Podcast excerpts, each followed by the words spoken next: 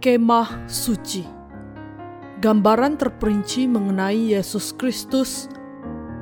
Bagian 1 Paul C. Jong.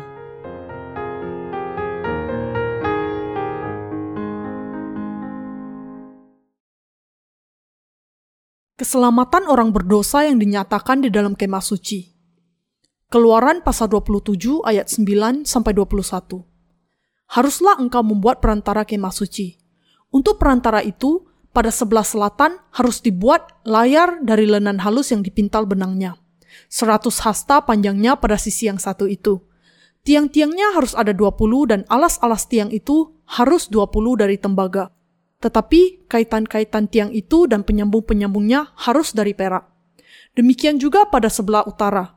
Pada panjangnya harus ada layar yang 100 hasta panjangnya Tiang-tiangnya harus ada 20 dan alas-alas tiang itu harus 20 dari tembaga. Tetapi kaitan-kaitan tiang itu dan penyambung-penyambungnya harus dari perak. Dan pada lebar perantara itu, pada sebelah barat harus ada layar 50 hasta dengan 10 tiangnya dan 10 alas tiang itu. Lebar perantara itu, yaitu bagian muka pada sebelah timur, harus 50 hasta, yakni 15 hasta layar untuk sisi yang satu di samping pintu gerbang itu dengan tiga tiangnya dan tiga alas tiang itu. Dan juga untuk sisi yang kedua di samping pintu gerbang itu 15 hasta layar dengan tiga tiangnya dan tiga alas tiang itu. Tetapi untuk pintu gerbang perantara itu tirai 20 hasta dari kain ungu tua dan kain ungu muda, kain kirmizi dan dari lenan halus yang dipintal benangnya, tenunan yang berwarna-warna dengan empat tiangnya dan empat alas tiang itu. Segala tiang yang mengelilingi perantara itu haruslah dihubungkan dengan penyambung-penyambung perak, dan kaitan-kaitannya harus dari perak dan alas-alasnya dari tembaga. Panjang pelantara itu harus 100 hasta, lebarnya 50 hasta, dan tingginya 5 hasta. Dari lenan halus yang dipintal benangnya dan alas-alasnya harus dari tembaga. Adapun segala perabotan untuk seluruh pelengkapan kemah suci dan juga segala patoknya dan segala patok perantaraan. Semuanya harus dari tembaga. Haruslah kau perintahkan kepada orang Israel supaya mereka membawa kepadamu minyak zaitun tumbuk yang murni untuk lampu, supaya orang dapat memasang lampu agar tetap menyala. Di dalam kemah pertemuan di depan tabir yang menutupi tabut hukum, haruslah Harun dan anak-anaknya mengaturnya dari petang sampai pagi di hadapan Tuhan. Itulah satu ketetapan yang berlaku untuk selama-lamanya bagi orang Israel turun-temurun. Pagar segi empat perantara kemah suci, ukuran panjangnya adalah 100 hasta. Di dalam Alkitab, satu hasta adalah ukuran yang panjangnya dari siku seseorang sampai ke ujung jarinya. Kira-kira 45 cm dalam ukuran sekarang. Dengan demikian, Ukuran pagar perantara kemah suci yang 100 hasta berarti sekitar 45 meter dan lebarnya yang 50 hasta berarti sekitar 22,5 meter. Jadi inilah ukuran kemah di mana Allah berdiam di antara umat Israel pada masa perjanjian lama. Pelantara luar kemah suci dikelilingi dengan pagar. Pernahkah Anda melihat model kemah suci baik yang berupa gambar maupun lukisan? Secara umum, bisa dikatakan bahwa kemah suci dibagi menjadi pelantara dan kemah suci itu sendiri yang adalah rumah Allah. Di dalam rumah Allah ini, ada satu bagian yang disebut sebagai tempat kudus. Tempat kudus ini dikelilingi dengan empat tirai yang berbeda. Sebuah tenunan dari kain biru dan kain ungu, kain kirmizi, dan dari lenan halus yang dipintal benangnya. Lalu yang terbuat dari bulu kambing, lalu yang terbuat dari kulit domba jantan yang diwarnai merah dan penutup dari kulit lumba-lumba. Di bagian timur perantara kemah suci terdapat pintu gerbangnya yang terbuat dari kain biru dan kain ungu, kain kirmizi dan dari lenan halus yang dipintal benangnya. Setelah memasuki gerbang ini, kita akan bisa melihat mesbah korban bakaran dan bejana pembasuhan. Setelah melewati bejana pembasuhan, kita akan bisa melihat kemah suci itu sendiri. Kemah suci terbagi atas dua bagian, yaitu tempat kudus dan tempat maha kudus di mana tabut perjanjian Allah berada. Pagar perantara kemah suci dibangun dengan 60 tiang yang digantungi kain lenan putih. Kemah suci itu sendiri di pihak lain dibuat memakai 48 papan dan 9 tiang. Paling tidak, kita harus memiliki gambaran yang umum mengenai bagian luar dari kemah suci supaya bisa memahami apa yang sedang dikatakan Allah kepada kita melalui semua ukuran tersebut. Allah berdiam di dalam kemah suci yang dibuat dengan 48 papan. Allah menyatakan kehadirannya kepada orang Israel dalam bentuk tiang awan di waktu siang dan tiang api di waktu malam di atas kemah suci. Dan di bagian dalam kemah suci di mana Allah sendiri berdiam, kemuliaan Allah memenuhi tempat itu. Di dalam tempat kudus di mana terletak meja roti sajian, kandil dan mesbah pembakaran ukupan, dan di dalam tempat maha kudus di mana terletak tabut perjanjian dan tutup pendamaian. Inilah tempat yang terlarang bagi orang biasa di kalangan orang Israel.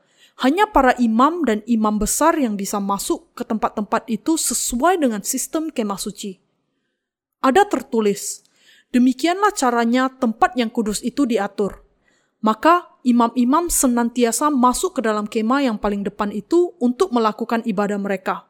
Tetapi ke dalam kemah yang kedua, hanya imam besar saja yang masuk sekali setahun dan harus dengan darah yang ia persembahkan karena dirinya sendiri dan karena pelanggaran-pelanggaran yang dibuat oleh umatnya dengan tidak sadar. Ibrani pasal 9 ayat 6 sampai 7.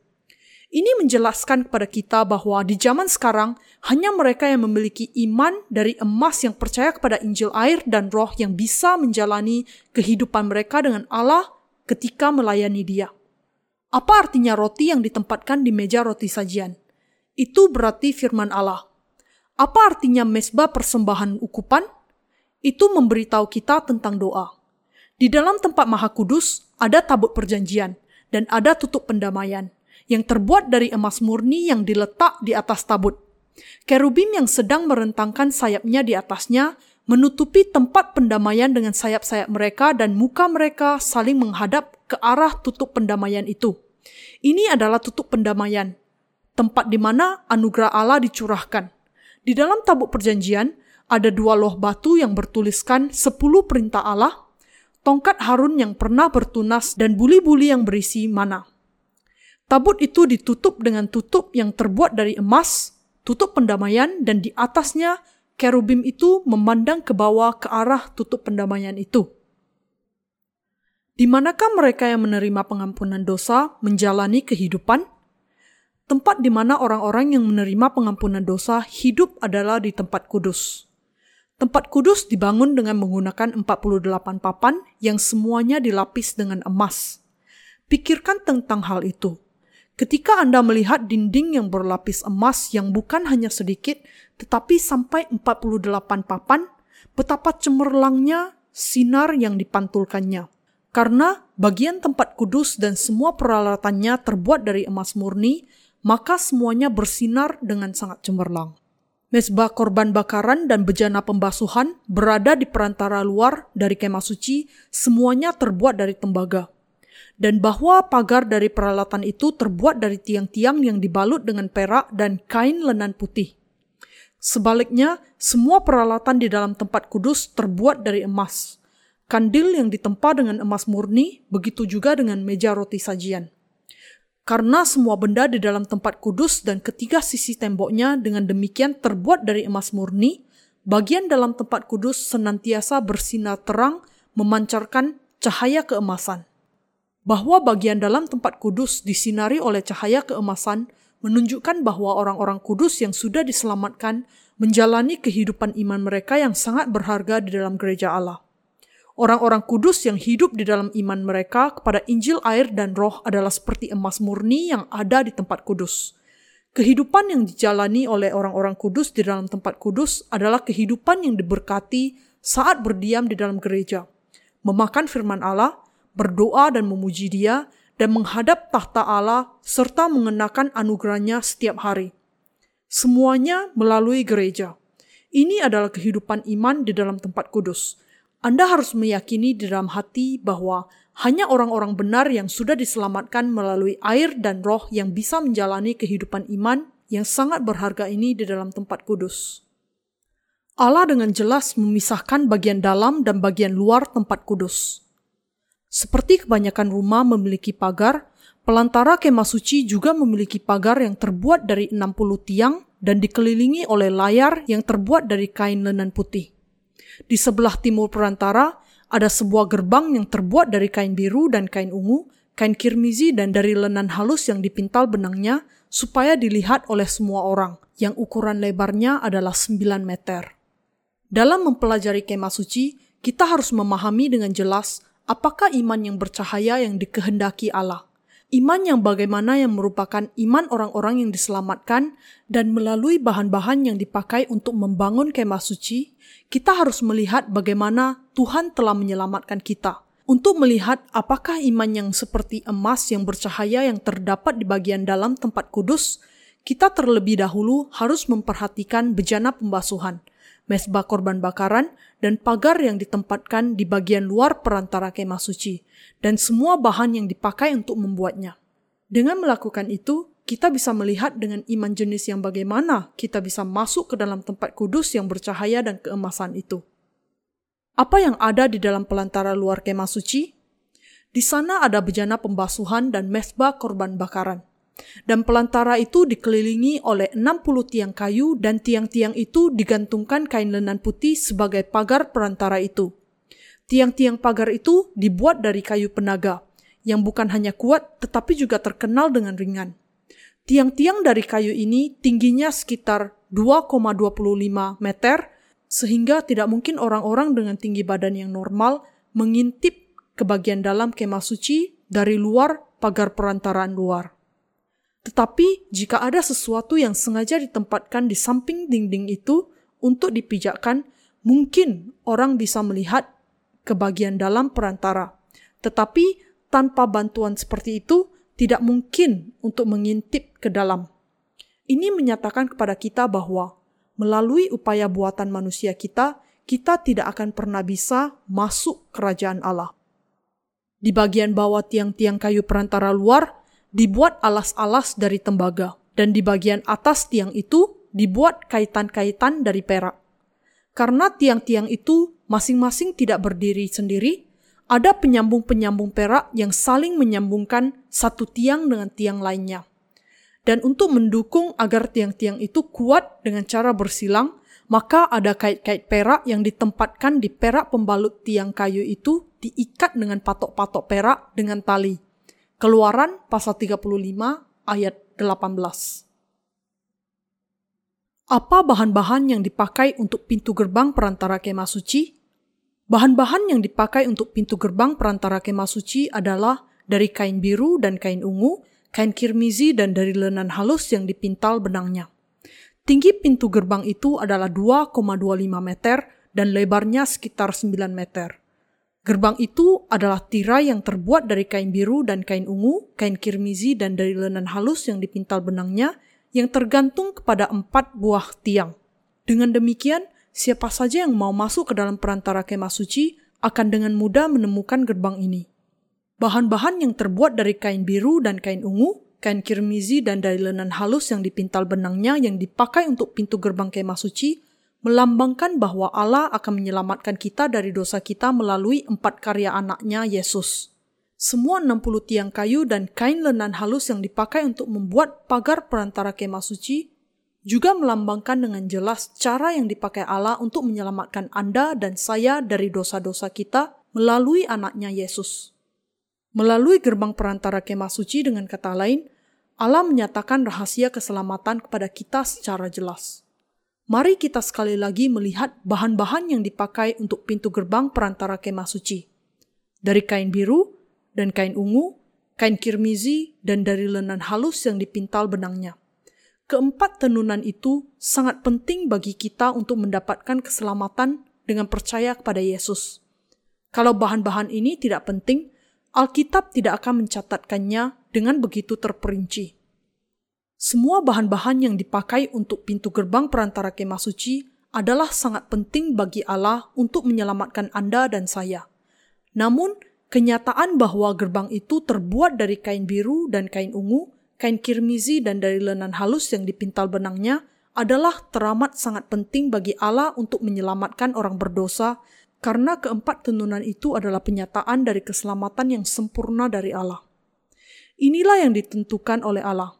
Inilah sebabnya Allah menunjukkan modal dari kemah suci kepada Musa di Gunung Sinai dan menyuruhnya untuk membuat gerbang kemah suci seperti demikian. Apa arti kain biru dan kain ungu, kain kirmizi dan dari lenan halus yang dipintal benangnya? Gerbang tempat kudus terbuat dari tabir yang terbuat dari kain biru dan kain ungu, kain kirmizi dan dari lenan halus yang dipintal benangnya. Dan tirai dari tempat kudus ke tempat maha kudus juga terbuat dari keempat bahan itu.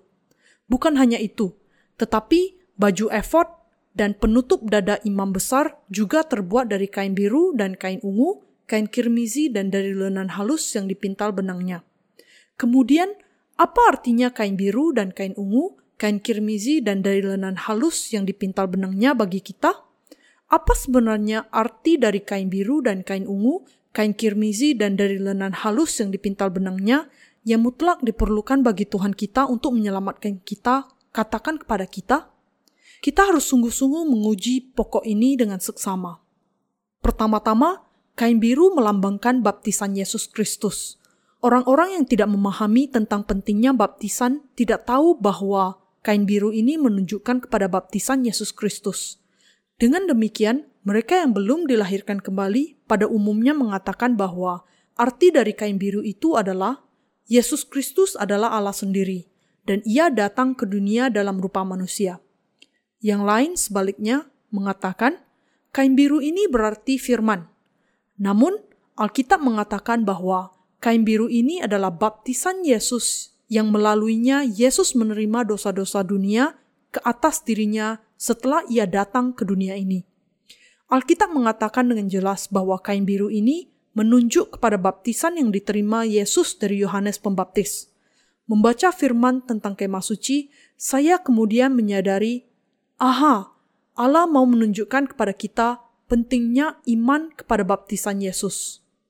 Gamis yang dikenakan oleh imam besar ketika memberikan korban juga dibuat dari kain biru. Patam emas digantung pada serban yang dikenakan oleh imam besar di kepalanya dan tali yang mengikat patam itu juga berwarna biru dan di patam emas itu kalimat kudus bagi Tuhan diukirkan di sana. Kita bisa melihat bahwa tali biru yang dipakai untuk mengikat patam emas di serban imam besar itu dengan jelas menunjukkan baptisan Yesus yang memberikan kekudusan kepada Tuhan. Demikianlah melalui tali biru yang mengikat patam emas ke serban itu, Allah mengajarkan kepada kita mengenai keselamatan kita yang sejati. Dengan kata lain, kunci yang memberikan kekudusan kepada kita adalah warna biru, dan ini adalah baptisan Yesus. Meskipun warna biru pada umumnya mengingatkan kita kepada birunya langit, biru tidak hanya selalu menunjukkan tentang Allah. Dalam kain biru dan kain ungu, kain kirmizi dan dari lenan halus yang dipintal benangnya, kain yang biru bisa dipastikan berarti baptisan Yesus Kristus. Atau dengan kata lain, kain biru di sini berarti bahwa Yesus Kristus sudah menanggung segala dosa orang berdosa di seluruh dunia ini melalui baptisannya. Matius pasal 3 ayat 15. Kalau Yesus tidak menanggung segala dosa manusia melalui baptisannya, kita orang-orang percaya tidak akan bisa memberikan kekudusan kepada Tuhan. Kalau bukan karena baptisan yang diterima Yesus, kita tidak akan pernah mengenakan kekudusan di hadapan Allah. Apakah Anda mengenal makna rohani dari perintah Allah untuk memintal gerbang perantara kemah suci menggunakan kain biru sesuai dengan aturan yang ditunjukkan kepada Musa? Pintu gerbang perantara yang menuju ke kemah suci di mana Allah berdiam menunjuk kepada Yesus Kristus. Tidak ada seorang pun yang bisa masuk ke dalam kerajaan surga kecuali melalui Yesus Kristus. Pintu gerbang perantara yang menunjukkan tentang Yesus dibuat dari kain biru dan kain ungu kain kirmizi dan dari lenan halus yang dipintal benangnya adalah jelas karena Allah ingin menyatakan kebenaran yang akan membawa kita kepada keselamatan kita. Kain ungu menunjukkan kepada Roh Kudus yang mengatakan kepada kita, Yesus adalah Raja di atas segala raja. Kain kirmizi menunjukkan kepada darah yang dicurahkan Yesus di kayu salib. Kain biru, seperti yang sudah saya sebutkan, menunjukkan kepada baptisan yang diterima Yesus dari Yohanes Pembaptis. Oleh karena itu, kain biru dan kain ungu dan kain kirmizi menunjukkan kepada kita tentang baptisan Yesus, inkarnasi Allah dan kematiannya di kayu salib. Karya Yesus dinyatakan di dalam ketiga kain ini memberikan iman yang memampukan kita untuk pergi ke hadapan Yehova di dalam kekudusan, bahwa Yesus, Allah sendiri, datang ke dunia ini dalam rupa manusia, menerima semua kedurhakaan orang berdosa ke atas dirinya melalui baptisan, dan menanggung semua kutu atas segala dosa serta hukumannya dengan menumpahkan darahnya. Inilah rahasia rohani yang tersembunyi di balik kain biru, kain ungu, dan kain kirmizi. Mungkin sampai saat ini Anda berpikir bahwa kain biru hanya menyatakan tentang Allah atau firman-Nya. Tetapi Anda sekarang harus mengerti dengan jelas bahwa kain biru menunjukkan kepada baptisan Yesus Kristus. Baptisan yang melaluinya Yesus menerima segala dosa kita ke atas dirinya adalah sebuah kebenaran yang sangat penting dan tidak boleh dilepaskan dari karya-karyanya. Dengan demikian, dari kemah suci di perjanjian lama, Allah mengatakan kepada kita mengenai kepentingannya. Baptisan adalah cara Yesus menanggung segala dosa kita. Tiang-tiang pagar kemah suci dibuat dari kayu penaga.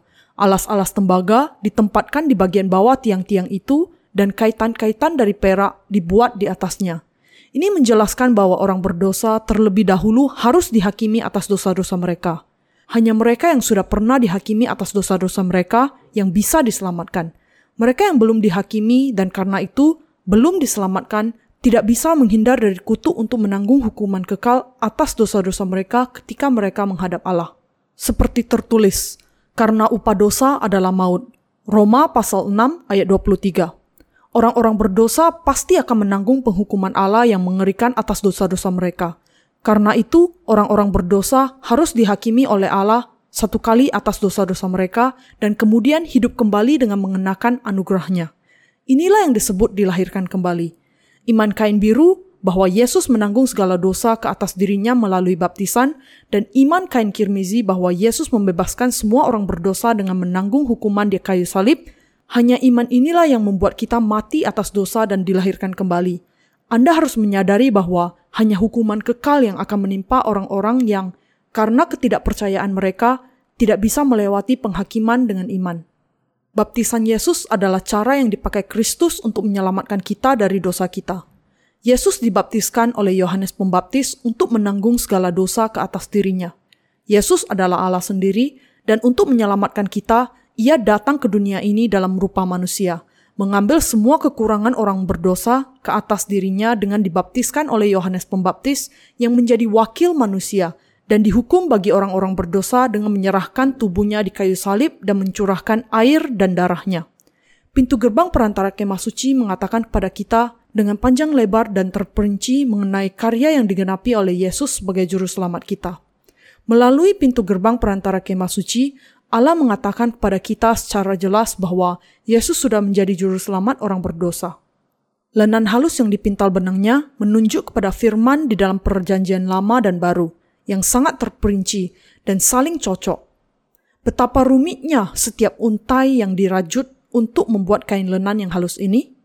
Melalui lenan halus yang dipintal benangnya, Allah menunjukkan kepada kita secara terperinci bagaimana ia menyelamatkan kita.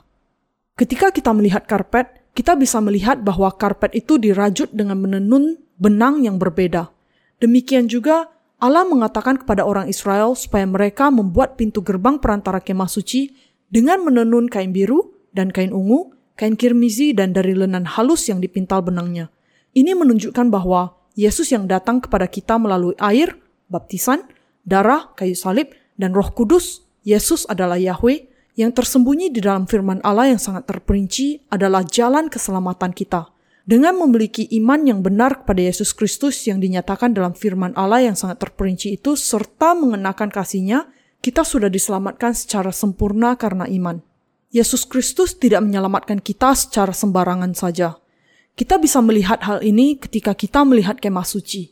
Yesus telah menyelamatkan orang berdosa dengan rencana yang sangat terperinci kita bisa menyadari betapa terperincinya keselamatan yang diberikan kepada kita hanya dengan memandang kepada tiang-tiang di pagar itu. Mengapa di antara semua angka, jumlah angka untuk tiang itu 60? Karena memang angka 6 menunjuk kepada manusia, sementara angka 3 menunjuk kepada Allah. Dalam Wahyu pasal 13, tanda 666 muncul dan Allah mengatakan bahwa angka ini adalah angka binatang itu dan bahwa orang-orang yang berpengetahuan mengenal angka ini. Karena itu, angka 666 berarti bahwa manusia mau bertindak sebagai Allah. Apakah keinginan manusia? Bukankah manusia ingin menjadi makhluk ilahi yang sempurna? Kalau kita ingin sungguh-sungguh menjadi makhluk yang ilahi, kita harus dilahirkan kembali dengan percaya kepada Yesus dan menjadi anak-anak Allah. 60 tiang di sini menunjukkan hal ini secara sangat terperinci. Namun, bukannya memiliki iman, manusia justru memilih untuk melakukan tindakan yang memegahkan diri, yang jahat, dengan berusaha untuk mengambil bagian di dalam hakikat ilahi melalui usaha mereka sendiri. Tidak ada alasan kecuali alasan ini yang membuat manusia menafsirkan kembali semua firman sesuai dengan kehendak manusia dan kesalahpercayaan mereka terhadap pandangan-pandangan buatan manusia karena mereka tidak memiliki iman dan hanya memiliki kehendak pribadi yang melawan Allah. Karena kehendak daging inilah manusia berusaha untuk menjadi lengkap dari dirinya sendiri dan mencapai kesempurnaan dari kedagingan mereka dan akhirnya mereka terpisah dari firman Allah. Firman keselamatan yang dinyatakan di dalam semua peralatan kemah suci. Agar Yesus Kristus menyelamatkan orang berdosa dan menarik mereka semua ke tempat kudus, semua peralatan dan bahan di dalam kemah suci menjadi penting. Mezbah untuk korban bakaran penting, bejana pembasuhan penting, dan tiang-tiangnya, alas-alas perak, kait-kait dan pelintang perak semuanya juga penting. Semua itu adalah peralatan yang ditemukan di bagian luar kemah suci dan semua bahan-bahannya penting untuk menjadikan orang berdosa menjadi orang benar. Semua hal itu sangat penting untuk memampukan orang-orang berdosa masuk dan hidup di dalam kerajaan Allah tetapi hal yang paling penting di antara semuanya adalah kain biru itu, baptisan Yesus. Kain biru, kain ungu, dan kain kirmizi dipakai untuk membuat pintu gerbang perantara kemah suci. Kain-kain itu menunjuk kepada tiga karya Yesus yang kita perlukan ketika kita percaya kepada Allah. Pertama, Yesus datang ke dunia ini dan menanggung segala dosa kita ke atas dirinya melalui baptisan. Kedua, Yesus adalah Allah, roh, dan ketiga, Yesus mati di kayu salib untuk menanggung hukuman atas dosa-dosa yang ia tanggungkan ke atas dirinya melalui Yohanes di Sungai Yordan. Inilah urutan yang tepat dari iman yang benar yang dibutuhkan untuk orang berdosa untuk dapat diselamatkan dan menjadi orang benar. Ketika kita membaca Alkitab, kita bisa melihat bagaimana terperincinya Tuhan kita. Kita dapat dengan jelas mengetahui bahwa dia yang sudah menyelamatkan kita dengan sangat terperinci, lembar demi lembar seperti tenunan kain tenunan putih, tidak lain dari Allah sendiri. Lebih lagi, Allah memerintahkan bangsa Israel untuk membangun pintu gerbang perantara kemah suci dengan menenun kain biru dan kain ungu, kain kirmizi dan dari lenan halus yang dipintal benangnya yang panjangnya 9 meter.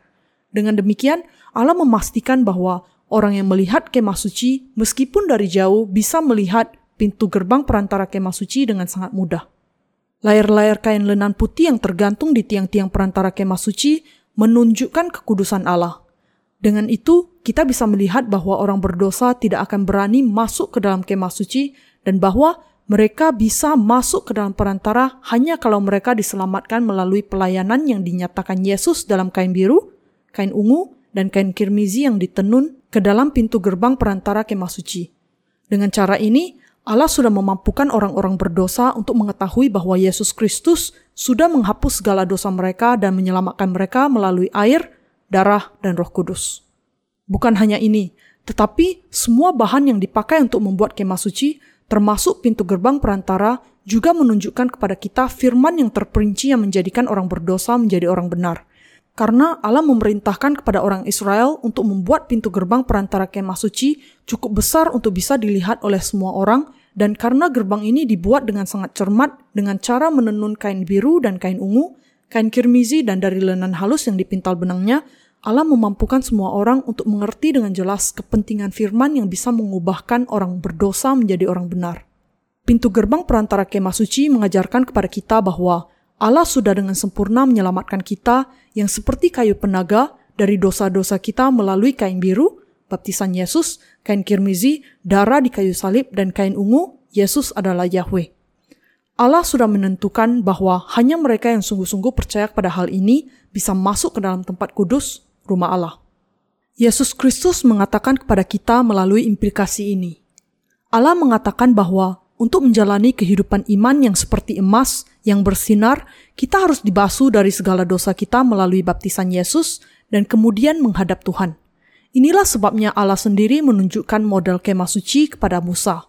Kemudian membangunnya melalui Musa dan membuat bangsa Israel menerima pengampunan dosa melalui lembaga kemah suci ini. Mari kita memperhatikan kembali iman yang membawa kita ke perantara kemah suci dan ke dalam tempat kudus. Melalui perantara kemah suci, Allah terus berbicara kepada kita mengenai iman kita kepada kebenaran bahwa Yesus sudah menyelamatkan kita melalui air, darah, dan roh kudus. Iman di dalam pintu gerbang perantara yang terbuat dari kain biru, kain ungu, dan kain kirmizi, di dalam penumpangan tangan dari imam besar di atas kepala domba korban, dan iman yang dengannya imam besar membasuh tangan dan kakinya di bejana pembasuhan, semuanya itu memampukan kita untuk mengetahui bahwa hanya iman kita kepada Injil air dan roh yang adalah iman yang murni yang memampukan kita untuk masuk ke dalam tempat kudus dan hidup di sana dalam kemuliaan. Melalui kemah suci, Allah sudah mengizinkan kita semua untuk menerima anugerah keselamatannya dan berkat-berkatnya. Melalui kemah suci, kita bisa mengetahui berkat-berkat yang sudah dicurahkan Allah kepada kita. Kita bisa memahami dan percaya kepada anugerah keselamatan yang sudah memampukan kita untuk menghadap tahta anugerah Allah dan diselamatkan sekali untuk selamanya. Bisakah Anda menyadari hal ini? Melalui kemah suci, kita bisa melihat bagaimana cermatnya Tuhan sudah menyelamatkan Anda dan saya, bagaimana terperincinya ia merencanakan keselamatan kita, dan bagaimana pastinya ia menggenapinya sesuai dengan rencana ini dan menjadikan kita yang adalah orang-orang berdosa menjadi orang-orang benar. Sudahkah Anda, entah karena apa, percaya kepada Yesus dengan cara yang tidak jelas sampai saat ini? Apakah Anda hanya percaya bahwa warna biru hanya berarti langit Apakah Anda hanya memiliki iman kepada kain merah dan ungu, yaitu bahwa Yesus Kristus, Raja di atas segala raja, datang ke dunia ini untuk menyelamatkan kita di kayu salib, dan apakah Anda percaya dengan demikian? Kalau ya, sekaranglah saatnya Anda menemukan iman yang benar. Saya berharap bahwa sekarang Anda akan memahami dengan jelas tentang baptisan Yesus, iman kepada warna biru, dan kemudian menyadari dan percaya kepada anugerah keselamatan dari Allah yang tidak terukur yang diberikan kepada Anda. Allah tidak hanya menyelamatkan kita melalui darah dan roh kudus. Mengapa? Karena Allah dengan jelas berbicara kepada kita tentang warna biru, ungu, dan merah, dan melalui ketiga tenunan warna ini, ia mengatakan kepada kita dengan jelas bagaimana Allah menyelamatkan kita. Melalui kemah suci, Allah kita menunjukkan karya Yesus secara terperinci. Setelah memerintahkan Musa untuk membangun kemah suci dan melalui kemah suci ini, Allah berjanji bahwa ia akan menyelamatkan kita dengan cara yang demikian. Seperti yang dijanjikan, Yesus Kristus datang dalam rupa manusia dan menanggung segala dosa kita ke atas dirinya dengan dibaptiskan di dalam air, warna biru, sungai Yordan. Melalui baptisannya, Yesus sudah menyelamatkan orang berdosa dari segala dosa mereka. Betapa terperinci, betapa tepat, benar, dan betapa pastinya keselamatan kita itu. Ketika kita masuk ke dalam tempat kudus, kita bisa melihat kandil, meja roti sajian, dan mesbah pembakaran ukupan. Sebelum kita bisa masuk ke dalam tempat maha kudus, kita harus terlebih dahulu untuk sementara waktu berada di tempat kudus ini yang menyinarkan sinar keemasan dan menerima makanan dari firman untuk mengisi hati kita. Betapa diberkatinya ini. Sebelum memasuki kerajaan Allah, kita hidup di dalam gerejanya sebagai orang-orang yang sudah diselamatkan secara sempurna melalui Injil, air, dan roh. Gereja Allah yang memberikan makanan bagi kehidupan kita adalah tempat kudus. Di dalam tempat kudus, yaitu gereja Allah, di sana ada kandil, meja roti sajian, dan mesbah pembakaran ukupan. Kandil, baik kakinya, baik batangnya, kelopaknya, dengan tombolnya dan kembangnya dibuat dari seiras talenta emas murni. Kandil yang dibuat dengan menempa satu talenta emas murni ini menunjukkan bahwa orang-orang benar harus bersatu di dalam gereja Allah. Di meja roti sajian, roti-roti yang tidak beragi ditempatkan, menandakan roti firman Allah yang murni yang bebas dari semua kejahatan dan pengajaran palsu dunia. Tempat kudus Allah, yaitu gereja Allah, memberikan firman Allah yang murni yang tidak beragi ini, dan hidup di dalam iman yang murni tanpa melakukan kejahatan di hadapan Allah. Di depan tirai tempat maha kudus, mezbah pembakaran ukupan ditempatkan. Mezbah pembakaran ukupan adalah tempat di mana doa dinaikkan kepada Allah. Melalui perkakas-perkakas tempat kudus, Allah mengatakan bahwa ketika kita menghadap Dia, kita harus memiliki kesatuan. iman kepada firman-Nya yang murni dan doa. Hanya orang-orang benar yang bisa berdoa karena Allah hanya mendengar doa orang-orang yang benar. Yesaya pasal 59 ayat 1 sampai 2, Yakobus pasal 5 ayat 16. Dan tidak semua dapat bertemu dengannya hanya karena mereka berdoa dengan tekun di hadapan Allah. Demikian juga tempat kudus memberitahu kita betapa mulianya bagi kita untuk diselamatkan di dalam gereja Allah. Bahan utama yang dipakai untuk tempat kudus, kain biru, Yesus dibaptiskan, kain kirmizi, setelah menanggung segala dosa ke atas dirinya melalui baptisannya, Yesus mati di kayu salib dan menanggung penghukuman atas dosa-dosa kita. Dan kain ungu, Yesus adalah Yahweh, menunjukkan kepada iman yang sungguh-sungguh harus kita miliki. Ketiga hal itu menunjuk kepada keseluruhan iman kita. Ketika kita percaya bahwa Yesus adalah anak Allah dan pada hakikatnya Allah sendiri, dan bahwa ia menyelamatkan kita, kita kemudian bisa masuk ke dalam tempat kudus yang menyinarkan cahaya keemasan, di mana Allah berdiam.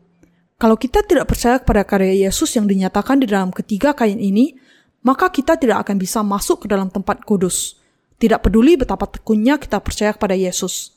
Tidak semua orang Kristen bisa masuk ke dalam tempat maha kudus. Mereka yang hanya tetap di pelantara kemah suci dengan iman yang salah. Zaman ini, banyak orang Kristen yang tidak bisa masuk ke dalam tempat kudus meskipun mereka meyakini iman mereka. Ada dengan kata lain, banyak orang yang mencoba untuk diselamatkan dengan iman buta mereka. Tidak lain dari orang-orang yang berpikir bahwa mereka bisa diselamatkan hanya karena percaya kepada darah Yesus Kristus dan bahwa ia adalah raja di atas segala raja adalah orang-orang yang demikian. Mereka percaya kepada Yesus dengan cara menggampangkannya, percaya hanya dengan darah Yesus, mereka berdiri di depan mesbah korban bakaran dan berdoa secara buta. Tuhan, saya masih orang berdosa saat ini. Ampuni saya Tuhan, saya mempersembahkan segala rasa syukur saya kepadamu Tuhan, karena engkau sudah disalibkan dan mati menggantikan saya. Oh Tuhan, saya mengasihi engkau. Setelah melakukan hal ini setiap pagi, mereka kembali kepada kehidupan mereka dan kemudian kembali lagi ke mesbah korban bakaran lagi di sore harinya dan menaikkan doa yang sama.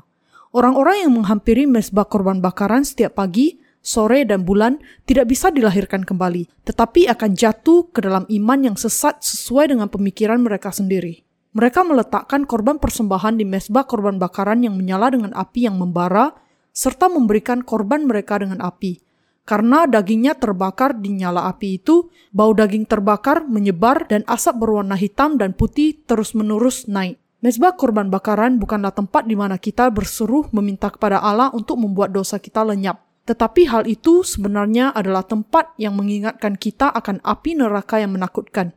Namun, orang-orang mendatangi tempat ini setiap pagi dan sore dan mengatakan, Tuhan, aku sudah melakukan dosa. Ampunilah dosa-dosaku Kemudian mereka kembali ke rumah dengan rasa puas seolah-olah mereka sudah sungguh-sungguh diampuni dari dosa-dosa mereka. Bahkan mungkin saja mereka menyanyi dengan bahagia, Aku sudah diampuni, engkau sudah diampuni, kita semua sudah diampuni. Tetapi perasaan yang demikian hanyalah sementara. Tidak lama kemudian, mereka melakukan dosa lagi dan mendapati diri mereka sendiri di hadapan mesbah korban bakaran sekali lagi, dan mengaku, Tuhan, aku orang berdosa, mereka yang bolak-balik dari dan ke mesbah itu mempersembahkan korban bakaran setiap hari, bagaimanapun pengakuan iman mereka kepada Yesus masih tetap orang berdosa. Orang-orang yang demikian tidak akan pernah masuk ke dalam kerajaan Allah yang kudus. Siapa kemudian yang bisa sepenuhnya menerima pengampunan dosa dan masuk ke dalam tempat kudus Allah? Mereka adalah orang-orang yang tahu dan percaya kepada rahasia kain biru, kain kirmizi, dan kain ungu yang ditetapkan oleh Allah. Mereka yang percaya kepada hal ini bisa melampaui mesbah korban bakaran dengan iman mereka kepada kematian Yesus yang menerima semua dosa yang ditanggungkan kepadanya, membasuh tangan dan kaki mereka di bejana pembasuhan dan mengingatkan diri mereka bahwa segala dosa mereka ditanggungkan kepada Yesus melalui baptisannya dan kemudian masuk ke dalam tempat kudus Allah. Orang-orang yang percaya kepada Injil air dan roh dan menerima pengampunan dosa bisa masuk ke dalam kerajaan surga dengan iman mereka karena iman mereka diterima oleh Allah. Saya berharap bahwa Anda semua akan menyadari dan percaya bahwa makna Alkitabiah dari warna biru adalah baptisan Yesus. Ada banyak orang yang mengaku percaya kepada Yesus di zaman ini, tetapi hanya sedikit yang percaya kepada air, kain biru, baptisan Yesus. Ini adalah fenomena yang sangat menyedihkan, sangat mengecilkan hati bahwa banyak orang yang meninggalkan iman yang penting, yaitu iman kepada baptisan dari kepercayaan mereka. Sedangkan Yesus datang ke dunia ini bukan hanya sebagai Allah dan untuk mati di kayu salib saja. Saya berharap dan berdoa bahwa saat ini juga Anda semua akan mengetahui dan percaya kepada iman kain biru, kain ungu, dan kain kirmizi, dan dengan itu menjadi orang-orang yang masuk ke dalam kerajaan Allah. Kita harus percaya kepada Tuhan yang dinyatakan dalam kain biru dan kain ungu, dan kain kirmizi di kemah suci yang adalah bahan bagi keselamatan kita. Tuhan kita sudah menyelamatkan Anda dan saya dengan sepenuhnya. Ketika kita memandang kepada kemah suci, kita bisa melihat betapa terperincinya cara Tuhan menyelamatkan kita. Ucapan syukur kita tidak akan cukup untuk hal ini. Betapa bersyukurnya kita bahwa Tuhan sudah menyelamatkan kita melalui kain biru, kain ungu, dan kain kirmizi, dan bahwa Ia juga memberikan kepada kita iman yang percaya kepada kain biru, kain ungu, dan kain kirmizi itu. Orang-orang berdosa tidak pernah bisa masuk ke dalam tempat kudus tanpa mengenakan anugerah Allah dan menjalani penghakimannya yang mengerikan atas dosa-dosa mereka. Bagaimana seseorang yang belum dihakimi dosa-dosanya bisa membuka pintu gerbang kemah suci dan masuk ke dalam kemah suci? Tidak akan bisa. Kalau orang-orang demikian masuk ke dalam tempat kudus, ia akan dikutuk dan akan menjadi buta karena sinar yang menyilaukan. Wow, di sini sangat terang. Wow, mengapa saya tidak bisa melihat apa-apa? Sewaktu saya di luar, saya pikir saya akan melihat segala sesuatu di dalam tempat kudus kalau saya masuk ke dalamnya. Mengapa saya tidak bisa melihat apa-apa dan mengapa di sini keadaannya menjadi gelap? Saya bisa melihat dengan baik ketika di luar tempat kudus. Ada yang mengatakan bahwa tempat kudus sangat terang, tetapi mengapa sekarang ini bahkan menjadi semakin gelap? Mereka tidak bisa melihat karena mereka sudah menjadi buta secara rohani, karena mereka tidak memiliki iman kepada kain biru kain ungu, dan kain kirmizi. Demikian juga orang-orang berdosa tidak akan pernah bisa masuk ke dalam tempat kudus. Tuhan kita sudah memampukan kita untuk tidak menjadi buta di dalam tempat kudus, tetapi untuk menerima berkat hidup di dalam tempat kudus untuk selama-lamanya. Melalui kain biru dan kain ungu, kain kirmizi dan dari lenan halus yang dipintal benangnya yang ditemukan di setiap sudut kemah suci, Allah mengatakan kepada kita cara keselamatan kita dan sesuai dengan firman nubuatnya, ia memang sudah membebaskan kita dari segala dosa kita. Tuhan kita sudah menyelamatkan kita melalui air, darah, dan roh kudus. 1 Yohanes pasal 5 ayat 4 sampai 8. Sehingga kita tidak akan menjadi buta setiap kali melihat kemuliaannya yang bersinar. Ia sudah menyelamatkan kita melalui kain biru dan kain ungu, kain kirmizi dan dari lenan halus yang dipintal benangnya. Tuhan kita sudah berjanji melalui firman Allah yang sangat teliti dan ia sudah mengatakan bahwa ia akan menyelamatkan kita dengan menggenapi janji-janjinya. Apakah Anda percaya bahwa Anda dan saya sudah diselamatkan melalui karya Yesus yang sangat teliti yang dinyatakan di dalam kain biru dan kain ungu, kain kirmizi dan dari lenan halus yang dipintal benangnya? Ya, apakah kita diselamatkan hanya sembarangan? Tidak, kita tidak bisa diselamatkan tanpa percaya kepada kain biru dan kain ungu dan kain kirmizi. Kain biru bukan menunjukkan kepada Allah, Hal itu menunjukkan kepada baptisan Yesus yang dengan itu ia menanggung segala dosa orang-orang berdosa di dunia ini di sungai Yordan. Sangat mungkin kebetulan seseorang berdiri di dekat mesbah korban bakaran tanpa percaya kepada kain biru baptisan Yesus. Manusia bahkan mungkin bisa mencapai bejana pembasuhan setelah melewati mesbah korban bakaran. Tetapi mereka tidak bisa masuk ke tempat kudus di mana Allah berdiam Orang-orang yang bisa membuka pintu gerbang kemah suci dan masuk ke dalam tempat kudus hanyalah anak-anak Allah yang sudah menerima pengampunan dosa dengan percaya sepenuhnya dengan Injil air dan roh. Tetapi orang-orang berdosa tidak peduli siapa pun tidak pernah bisa masuk ke dalam tempat kudus. Sampai berapa jauh kita harus masuk supaya bisa menerima keselamatan kita?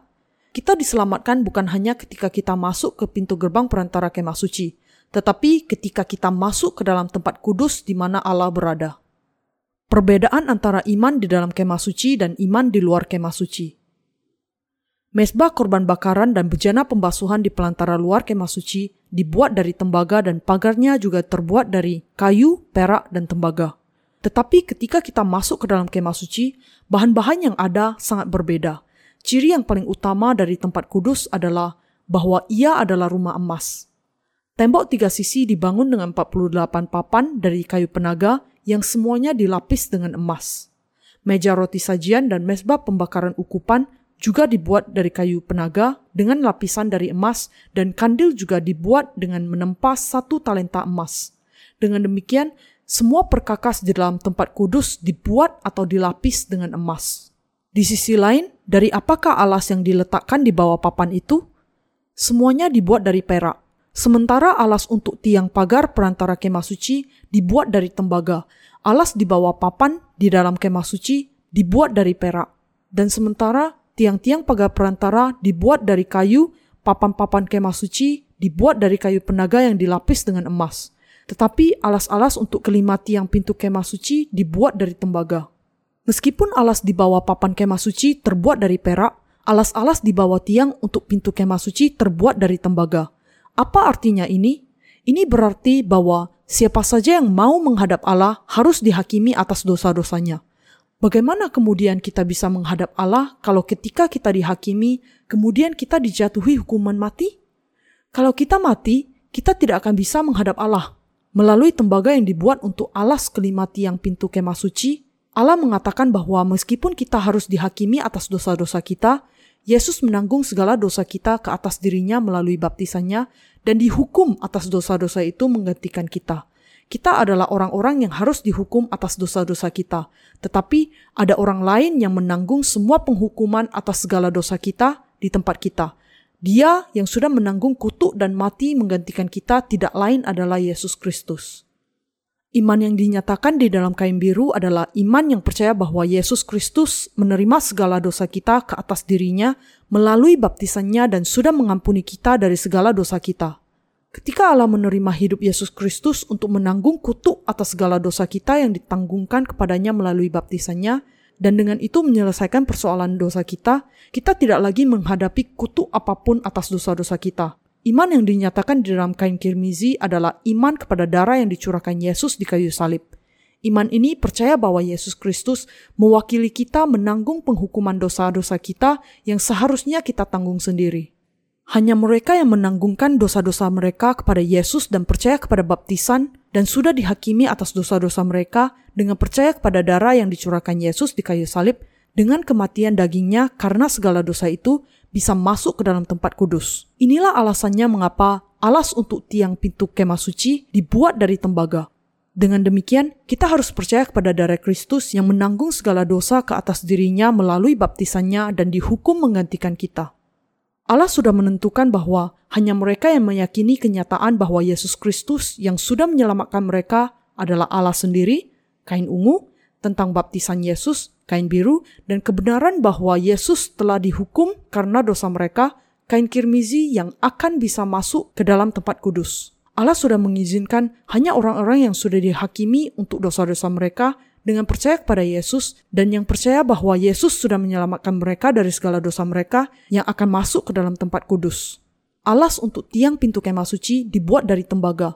Alas tembaga ini memiliki makna rohani bahwa Allah sudah mengizinkan orang-orang berdosa yang lahir sebagai keturunan Adam untuk masuk ke dalam tempat kudus kediamannya hanya kalau mereka sesiapapun mereka memiliki iman kepada kain biru, baptisan Yesus, kain kirmizi, kematian Yesus menggantikan hukuman bagi kita, dan kain ungu, Yesus adalah Allah sendiri. Bahwa kelima alas tiang pintu terbuat dari tembaga menunjukkan kepada kita mengenai Injil Allah, seperti yang ditulis di dalam Roma pasal 6 ayat 23 sebab upah dosa ialah maut, tetapi karunia Allah ialah hidup yang kekal dalam Kristus Yesus Tuhan kita. Yesus sudah mengampuni segala dosa kita dengan air, darah, dan roh. Kita tidak boleh mengabaikan, tetapi harus percaya kepada firman dan Allah. Percaya kepada Yesus tidak berarti bahwa Anda diselamatkan tanpa syarat. Juga, datang ke gereja tidak berarti Anda tanpa syarat sudah dilahirkan kembali Tuhan kita mengatakan di dalam Yohanes pasal 3 bahwa hanya mereka yang dilahirkan kembali dari air dan roh yang bisa melihat dan masuk ke dalam kerajaan Allah. Yesus secara pasti mengatakan kepada Nikodemus, seorang pemimpin agama Yahudi dan orang yang setia percaya kepada Allah, "Engkau pengajar orang-orang Yahudi dan engkau tidak tahu bagaimana dilahirkan kembali?" Hanya kalau seseorang dilahirkan kembali dari air dan roh, maka dia bisa melihat dan masuk ke dalam kerajaan Allah. Orang-orang yang percaya kepada Yesus bisa dilahirkan kembali hanya kalau mereka memiliki iman kepada kain biru. Yesus menanggung segala dosa kita ke atas dirinya ketika ia dibaptiskan. Kain kirmizi, Yesus mati untuk dosa-dosa kita. Dan kain ungu, Yesus adalah juru selamat Allah sendiri dan anak Allah.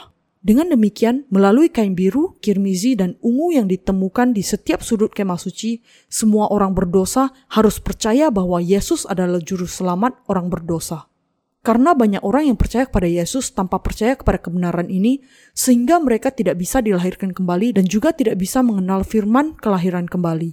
Tuhan kita sudah dengan jelas mengatakan bahwa meskipun kita mengaku percaya kepada Yesus, kalau kita tidak dilahirkan kembali, kita tidak akan bisa masuk ke dalam tempat kudus kerajaan Sang Bapa dan tidak bisa menjalani kehidupan iman yang benar. Dalam pemikiran kita yang dibuat oleh manusia, kita bisa saja berpikir betapa indahnya kalau semua orang Kristen bisa disebut dilahirkan kembali, tidak peduli bagaimana mereka percaya. Apakah tidak demikian? Kalau kita bisa diselamatkan hanya dengan menyebut nama Yesus dan mengaku beriman kepadanya, hanya dengan kata-kata tanpa memahami secara terperinci apa yang dilakukannya untuk manusia, orang akan merasa luar biasa mudahnya percaya kepada Yesus. Kita bisa saja senantiasa bersyukur kepadanya setiap kali kita bertemu orang Kristen baru dan menyanyi, Aku sudah diampuni, engkau sudah diampuni, kita semua sudah diampuni. Karena sudah ada begitu banyak orang yang percaya, apa perlunya bersaksi? Segala sesuatu sudah beres seperti ini. Luar biasa bukan? Kalau memang demikian yang terjadi, orang akan berpikir bahwa keselamatan itu begitu mudah. Karena siapa saja yang menyebut nama Tuhan bisa diselamatkan dan keselamatan mereka kemudian akan terjadi meskipun mereka menjalani kehidupan sekehendak mereka sendiri. Tetapi Allah mengatakan bahwa kita tidak akan bisa dilahirkan kembali dengan memiliki iman yang buta seperti ini. Sebaliknya, ia mengatakan bahwa mereka yang mengaku sudah diselamatkan tanpa mengerti Injil air dan roh, semuanya melanggar hukum Allah. Yang dilahirkan kembali adalah roh Anda, bukan daging Anda. Yesus menjadi manusia, datang ke dunia ini, dan sudah menyelamatkan kita melalui Injil, air, dan roh. Yusuf ayah Yesus secara daging adalah seorang tukang kayu. Matius pasal 13 ayat 55. Dan Yesus melayani keluarganya di bawah seorang ayah tukang kayu. Dan ia sendiri bekerja sebagai tukang kayu selama 29 tahun pertama dalam kehidupannya. Tetapi ketika ia memasuki usia 30, ia harus memulai karya keilahiannya, yaitu melaksanakan pelayanannya kepada orang banyak. Karena Yesus memiliki hakikat ilahi dan hakikat manusia, kita orang-orang yang dilahirkan kembali juga memiliki dua hakikat yang berbeda. Kita memiliki daging dan roh. Namun, ketika seseorang mengaku percaya kepada Yesus dan rohnya, tidak dilahirkan kembali, maka orang ini tidak dilahirkan kembali, yaitu dia tidak memiliki roh yang dilahirkan kembali. Kalau seseorang mencoba untuk percaya kepada Yesus tanpa dilahirkan kembali di dalam rohnya, maka orang ini hanya sekedar seseorang yang mencoba untuk dilahirkan kembali secara daging seperti Nikodemus dan bukan seseorang yang sungguh-sungguh dilahirkan kembali. Meskipun Yesus adalah Allah sendiri dalam hakikatnya, tetapi ia juga memiliki hakikat daging manusia yang juga merasakan kelemahan. Dengan demikian, ketika kita mengatakan kalau diri kita sudah dilahirkan kembali, itu berarti bahwa roh kita sudah dilahirkan kembali, bukan daging kita. Kalau semua orang yang sekedar mengaku percaya kepada Yesus memang dilahirkan kembali, saya akan berusaha untuk dikenal menjadi pendeta yang baik. Mengapa? Karena saya tidak akan terlalu dijengkelkan melihat mereka yang tidak percaya kepada kebenaran, dan karena itu saya tidak perlu terlalu tegas dalam khotbah-khotbah saya dan berharap bahwa mereka juga akan mengenal kebenaran. Saya akan dikenal sebagai pendeta yang sopan, bersikap ramah, terpuji, baik, lemah lembut, dan penuh humor, dan menjelaskan kepada orang-orang bagaimana mereka bisa menjadi kudus di dalam daging mereka. Tentu saja, saya juga bisa memperbaiki penampilan saya dengan seperti ini, tetapi saya tidak akan melakukan hal itu. Hal ini bukan karena saya tidak memiliki kemampuan untuk menanam dalam pikiran Anda kesan bahwa pendeta ini sungguh-sungguh menunjukkan kekudusan dan belas kasihan Yesus. Ini karena daging manusia tidak bisa berubah dan karena tampilan bagus, baik, dan penuh kasih secara daging tidak berarti orang itu sudah dilahirkan kembali. Tidak ada seorang pun yang bisa dilahirkan kembali di dalam daging. Roh saja yang harus dilahirkan kembali dengan percaya kepada firman Allah. Ketika Anda percaya kepada Yesus, Anda harus mengenal kebenaran. Kamu akan mengetahui kebenaran dan kebenaran itu akan memerdekakan kamu. Yohanes pasal 8 ayat 32. Hanya kebenaran Allah yang menjadikan kita dilahirkan kembali, membebaskan jiwa kita dari belenggu dosa dan menjadikan kita dilahirkan kembali sebagai orang-orang benar. Hanya ketika kita mengenal, percaya dan memberitakan Alkitab dengan benar, kita bisa masuk ke dalam tempat kudus dan menjalani kehidupan iman yang benar. Dan juga masuk ke dalam tutup pendamaian di tempat maha kudus. Injil air dan roh yang menjadikan jiwa kita dilahirkan kembali adalah kebenaran dan iman kita kepada hal ini sudah membuat kita diampuni dari segala dosa kita dan memampukan kita hidup di dalam dunia iman dengan Allah. Injil air dan roh yang ada di dalam hati kita memampukan kita untuk hidup sebagai anak-anak Allah yang dilahirkan kembali di dalam dunia roh yang bersinar terang di dalam kebahagiaan Tuhan. Percaya kepada Yesus secara buta-buta bukan iman yang benar. Melihat dari sudut pandang manusia, saya memiliki banyak kelemahan. Saya tidak hanya mengatakan ini dengan bibir saya, tetapi setiap kali saya melakukan sesuatu, saya sungguh-sungguh menyadari bahwa saya memang memiliki kelemahan. Sebagai contoh, ketika saya mempersiapkan diri untuk sebuah kemah Alkitab, agar orang-orang kudus dan orang-orang baru yang ikut serta akan mendengar firman dengan nyaman, diilhami di dalam hati mereka oleh anugerah Allah, menerima berkat dilahirkan kembali, dan kembali setelah mendapatkan kelegaan tubuh dan hati mereka, saya menemukan bahwa ada banyak hal yang tidak terpikirkan oleh saya dan tidak saya persiapkan sebelumnya hal-hal yang bisa dengan mudah diurus dengan memberikan hanya sedikit lebih perhatian dan kepedulian selalu muncul ketika masa persiapan sudah selesai dan kema itu sudah mau mulai. Saya bertanya-tanya kepada diri saya sendiri, mengapa saya tidak memikirkan mengenai hal itu sebelumnya dan mempersiapkan diri? Ketika dengan menambah sedikit perhatian dan ketelitian dalam perencanaan tentang kema Alkitab itu, orang-orang kudus dan jiwa-jiwa baru itu akan mendengar firman dengan baik, diselamatkan, dan menikmati waktu yang indah. Juga, meskipun saya sudah bekerja sepanjang hari, karena kurangnya efisiensi pribadi saya, ada waktu-waktu di mana saya tidak menghasilkan banyak hal. Saya sendiri sangat menyadari kenyataan bahwa saya memiliki begitu banyak kelemahan. Mengapa aku tidak melakukan hal ini? Mengapa aku tidak berpikir tentang hal ini? Yang diperlukan adalah sedikit lebih perhatian. Tetapi, mengapa aku tidak bisa melakukan ini?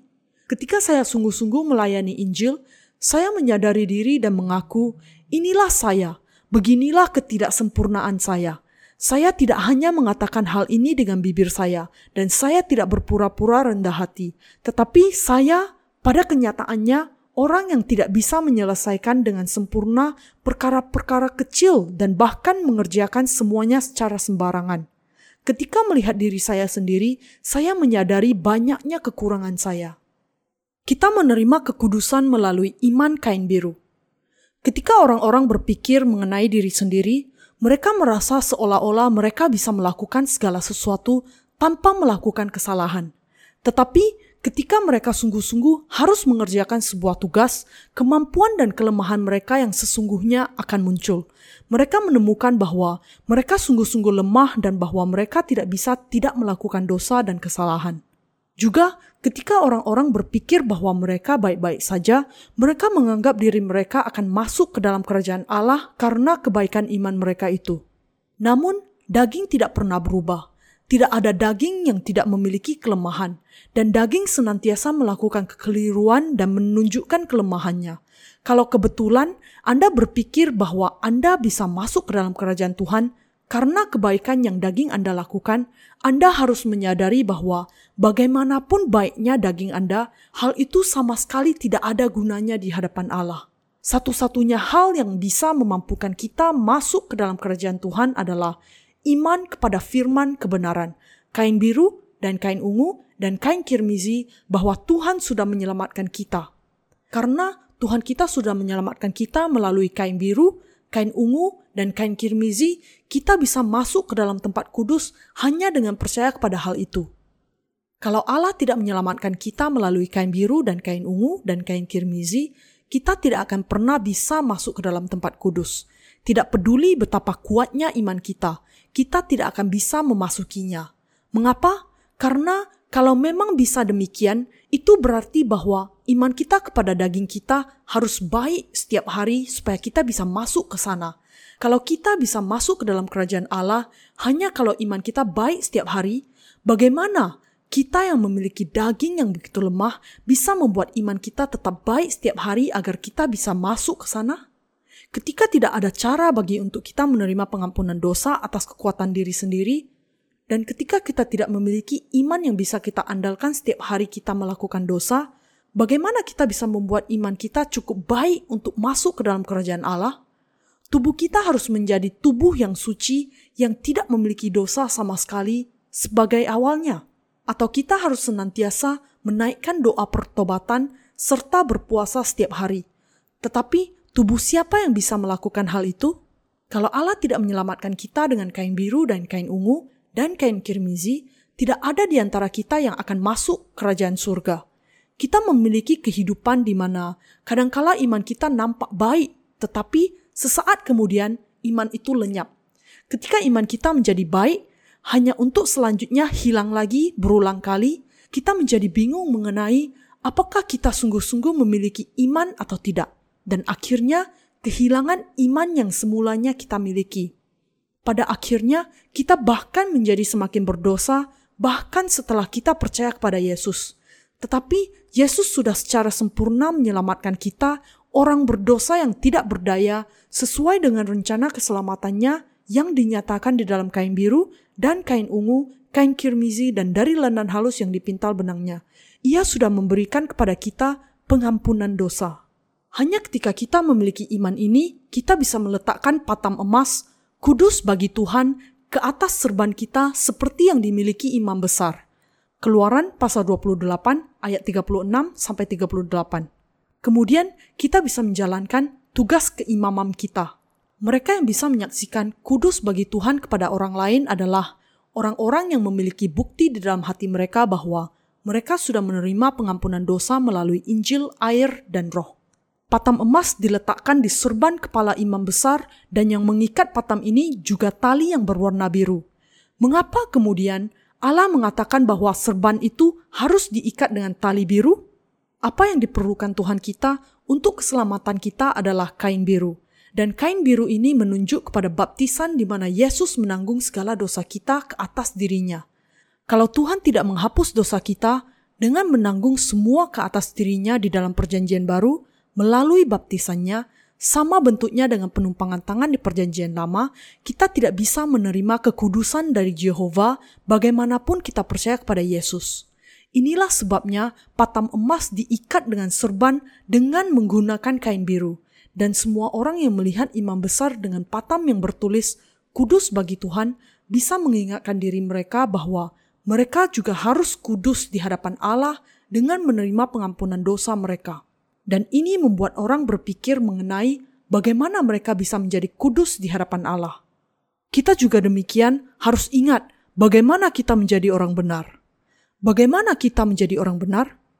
Mari kita membaca Matius pasal 3 ayat 15. Lalu Yesus menjawab, katanya kepadanya, Yohanes, biarlah hal itu terjadi, karena demikianlah sepatutnya kita menggenapkan seluruh kebenaran, dan Yohanes pun menurutinya. Yesus sudah menyelamatkan kita dari segala dosa kita dengan menerima baptisan, karena Yesus menanggung segala dosa kita ke atas dirinya melalui baptisannya. Orang-orang yang percaya kepada hal ini menjadi tidak berdosa. Kalau Yesus tidak dibaptiskan, bagaimana kita berani mengatakan bahwa kita tidak berdosa Apakah Anda menerima pengampunan dosa hanya karena pengakuan iman kepada kematian Yesus di kayu salib dengan air mata ketulusan di mata Anda? Ada banyak orang yang sebenarnya sulit merasakan sedih atas kematian Yesus yang tidak ada hubungan apa-apa dengan diri mereka, berusaha untuk memeras air mata dengan berpikir mengenai kematian kakek nenek mereka, mengenai kesulitan pribadi mereka sewaktu mereka sakit, atau mengenai masalah dan penderitaan mereka di masa lalu. Meskipun Anda berpura-pura menangis seperti ini, ataupun Anda sungguh-sungguh sedih karena penyalipan Yesus, dosa-dosa Anda tetap tidak akan bisa dihapuskan dengan cara demikian. Seperti patam emas yang ditulisi, kudus bagi Tuhan, diikat dengan tali biru ke serban imam besar yang menanggung segala dosa kita dan membuat kita kudus, adalah baptisan Yesus. Hati kita menerima pengampunan dosa karena Yesus menanggung segala dosa kita atas dirinya dengan baptisannya. Dan karena segala dosa dunia ditanggungkan kepada Yesus melalui baptisannya. Tidak peduli bagaimana kosongnya hati kita dan bagaimanapun kurangnya diri kita dalam tindakan kita, kita semua menjadi orang benar dan diselamatkan secara sempurna oleh firman kain biru yang tertulis di dalam Alkitab. Ketika kita memandang daging kita, kita tidak bisa merasa bangga, tetapi karena iman kepada kain biru, kain ungu, dan kain kirmizi yang ada di dalam hati kita, yaitu karena kita memiliki Injil air dan roh yang sempurna yang mengajarkan bahwa Yesus menanggung segala dosa kita ke atas dirinya melalui baptisan dan menanggung hukuman kita di kayu salib, kita bisa dengan berani dan tanpa takut berbicara mengenai Injil. Karena kita memiliki Injil air dan roh, sehingga kita bisa hidup oleh iman kita sebagai orang benar dan juga memberitakan iman yang benar ini kepada orang-orang lain. Ucapan syukur kita tidak akan pernah cukup atas anugerah Tuhan karena keselamatan kita tidak terjadi secara sembarangan. Kita semakin bersyukur atas hal itu. Keselamatan yang kita terima bukan hal yang sepele yang bisa diterima seseorang yang tidak memiliki kepercayaan yang benar. Memanggil nama Tuhan sekehendak hatinya sendiri dan mengatakan, Tuhan, Tuhan, tidak berarti bahwa semua orang yang mengatakan demikian akan diselamatkan. Karena kita memiliki dalam hati kita bukti bahwa dosa-dosa kita sudah dilenyapkan melalui Injil air dan roh. Bahwa Tuhan sudah menyelamatkan diri kita secara sempurna dengan kain biru dan kain ungu, kain kirmizi dan dari lenan halus yang dipintal benangnya, kita begitu bersyukur atas keselamatan yang besar ini. Alkitab mengatakan bahwa semua orang yang percaya kepada Yesus Kristus anak Allah memiliki kesaksian di dalam hatinya. 1 Yohanes pasal 5 ayat 10. Kalau tidak ada kesaksian di dalam hati kita, kita akan menjadikan Allah sebagai pendusta dan karena itu kita semua harus memiliki bukti yang kuat di dalam hati kita. Dengan demikian, tidak ada alasan untuk diperdaya oleh beberapa orang yang menantang Anda dan mengatakan, "Buktikan kepadaku bahwa engkau sudah diselamatkan." Engkau berkata bahwa ketika seseorang menerima pengampunan dosa, ia akan menerima Roh Kudus sebagai anugerah, dan bahwa ada bukti-bukti yang jelas dari keselamatan. Tunjukkan bukti-bukti itu. Anda bisa menunjukkan buktinya dengan tegas dan mengatakan, "Aku memiliki Injil air dan Roh, yang dengannya Yesus menyelamatkan aku secara utuh." Karena aku sudah diselamatkan secara sempurna olehnya, aku tidak memiliki dosa. Kalau Anda tidak memiliki bukti keselamatan dalam hati Anda, maka Anda belum diselamatkan. Tidak peduli bagaimanapun giatnya seseorang percaya kepada Yesus, hal itu bukan menandakan keselamatan mereka. Ini hanyalah sebuah cinta yang tak berbalas. Ini adalah cinta yang tidak mempedulikan perasaan orang lain yang dicintai. Ketika seseorang yang tidak bisa kita kasihi menunjukkan kegoyahan hati, menginginkan sesuatu dari kita, merasa cinta dan menunjukkan bahwa ia sungguh-sungguh ingin kita untuk mencintainya, tidak berarti bahwa kita juga harus mencintai dia sebagai balasannya. Demikian juga, Allah tidak menyambut mereka yang tidak menerima pengampunan dosa hanya karena hati mereka sungguh-sungguh merindukannya. Ini hanyalah sekedar cinta yang tidak berbalas yang dimiliki oleh orang-orang berdosa kepada Allah. Ketika kita mencintai Allah, kita harus mencintai dia dengan percaya kepada firman-Nya di dalam kebenaran. Cinta kita kepadanya tidak boleh hanya sepihak. Kita harus mengatakan kepadanya rasa cinta kita kepadanya, dan kita harus mencari tahu apakah ia sungguh-sungguh mencintai kita atau tidak sebelum kita mencintai dia. Kalau kita memberikan seluruh hati kita kepada orang lain yang sungguh-sungguh tidak mencintai kita, maka hal itu hanya akan berakhir dengan patah hati. Tuhan kita sudah mengenakan kepada kita kemuliaan keselamatan dari segala dosa kita, sehingga kita tidak akan dihukum atas dosa-dosa itu. Ia sudah memungkinkan kita untuk masuk ke dalam kerajaan Allah dan untuk hidup dengan Allah. Dan ia sudah memberikan kepada kita anugerah yang memampukan kita menerima pengampunan dosa melalui anugerah Allah. Keselamatan Allah sudah memberikan kepada kita berkat-berkat surgawi yang tidak terhitung banyaknya. Keselamatan ini saja yang sudah diberikan Allah kepada kita dengan kata lain, sudah memampukan kita untuk menerima segala berkat ini darinya. Keselamatan yang diberikan oleh kebenaran Allah sendiri kepada kita. Tuhan kita sudah menyelamatkan kita melalui kain biru, kain ungu, dan kain kirmizi. Ia sudah memberikan kepada kita keselamatan yang terdiri dari tiga kain yang berbeda. Keselamatan biru, ungu, dan kirmizi tidak lain adalah anugerah keselamatan yang diberikan oleh Allah. Anugerah keselamatan inilah yang memampukan kita untuk masuk dan hidup di dalam tempat kudus. Injil air dan roh sudah menjadikan Anda dan saya menjadi orang benar. Ia memungkinkan kita datang ke gereja Allah dan menjalani kehidupan yang murni. Dan Injil yang benar ini juga memampukan kita untuk memakan makanan rohani, firman Allah, dan menerima anugerahnya. Ia juga memampukan kita menghadap tahta anugerah Allah dan berdoa, dan dengan itu memberikan kepada kita iman yang dengannya kita bisa menerima anugerah yang berlimpah yang dicurahkan Allah sebagai milik kita.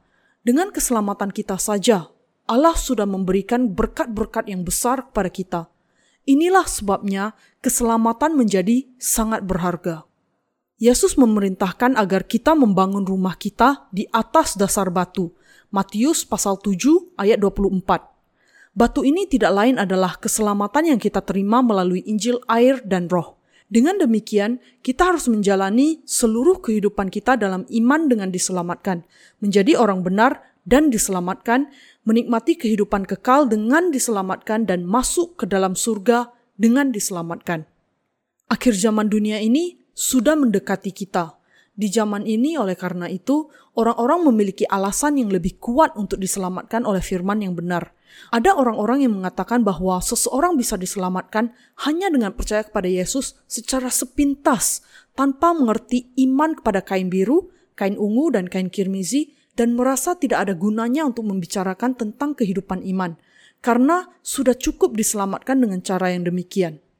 Namun, alasan mengapa saya berulang kali mengatakan hal ini adalah karena hanya mereka yang sudah menerima pengampunan dosa dalam hati mereka bisa menjalani kehidupan iman yang Allah setujui. Karena hati semua orang-orang kudus yang menerima pengampunan dosa adalah bait suci di mana roh kudus berdiam, ia harus menjalani kehidupannya dengan iman agar tidak mencemarkan kekudusan ini. Cara orang-orang kudus menjalani kehidupannya memiliki dimensi yang sangat berbeda dengan cara hidup orang-orang berdosa. Dari sudut pandang Allah, cara hidup orang berdosa sepenuhnya berada di bawah standarnya. Kehidupan mereka dipenuhi dengan kemunafikan. Mereka berusaha sangat keras untuk hidup sesuai dengan hukum Taurat. Mereka menentukan standar pribadi mereka tentang bagaimana mereka harus berjalan, bagaimana mereka menjalani kehidupan mereka, bagaimana mereka berbicara, dan bagaimana mereka tertawa. Tetapi ini sangat jauh dari kehidupan iman yang dimiliki orang-orang benar. Allah mengatakan kepada orang-orang benar secara terperinci, Kasihilah Tuhan Allahmu dengan segenap hati dan kekuatan dan kasihi tetanggamu seperti engkau mengasihi tubuhmu sendiri. Ini adalah gaya kehidupan yang sudah diberikan Allah kepada orang-orang benar. Sangat tepat bagi kita orang-orang benar untuk menjalani kehidupan kita dengan mengasihi Allah dengan segenap hati kita dan dengan mengikuti kehendaknya dengan segenap kekuatan dan kehendak kita. Untuk menyelamatkan sesama kita, kita harus membuat investasi yang tidak terhitung di dalam pekerjaannya. Inilah kehidupan orang-orang Kristen. Kalau kita tetap berada di tingkatan di mana kita merasa kalau yang paling utama adalah bahwa kita sendiri tidak melakukan dosa, maka kita tidak bisa mengikuti kehidupan yang setia dari orang-orang Kristen yang sudah dilahirkan kembali. Sebelum saya dilahirkan kembali, saya memiliki kehidupan iman yang legalistik dalam sebuah denominasi prebestarian konservatif. Dan selama kehidupan masih tetap sesuai dengan hukum Taurat, maka saya akan mengikutinya dengan tuntas. Sekarang ini, manusia cenderung untuk tidak melakukan hal itu lagi. Tetapi karena saya sudah terbiasa melakukan hal itu, saya sudah sangat memiliki keinginan untuk menaati hukum Taurat dalam seluruh kehidupan sehari-hari saya. Saya begitu taat kepada hukum Taurat sampai saya tidak pernah melakukan pekerjaan pada hari Tuhan. Karena hukum Taurat mengatakan agar hari Sabat harus diingat dan dikuduskan. Sampai-sampai saya tidak mau masuk ke mobil pada hari Minggu. Kalau saya menuntut Anda untuk hidup seperti itu, Jelas sekali tidak ada orang yang bisa menjalani kehidupan iman legalistik yang demikian. Demikianlah legalistik kehidupan saya sebelum saya dilahirkan kembali. Namun, tidak peduli bagaimanapun salehnya saya menjalani kehidupan keagamaan saya, itu tidak ada hubungannya dengan kehendak Allah dan sama sekali tidak ada gunanya. Pembaca, apakah Anda memiliki iman kain biru, kain ungu, dan kain kirmizi? Karena keselamatan Yesus terkandung di dalam ketiga jenis kain ini, kita bisa masuk ke dalam tempat kudus dengan iman kita. Keselamatan kita digenapi lebih dari 2000 tahun yang lalu. Yesus Kristus bahkan sebelum kita mengenal dia, sudah menanggung segala dosa kita ke atas dirinya dengan cara dibaptis dan menanggung hukuman dosa-dosa kita dengan mati di kayu salib.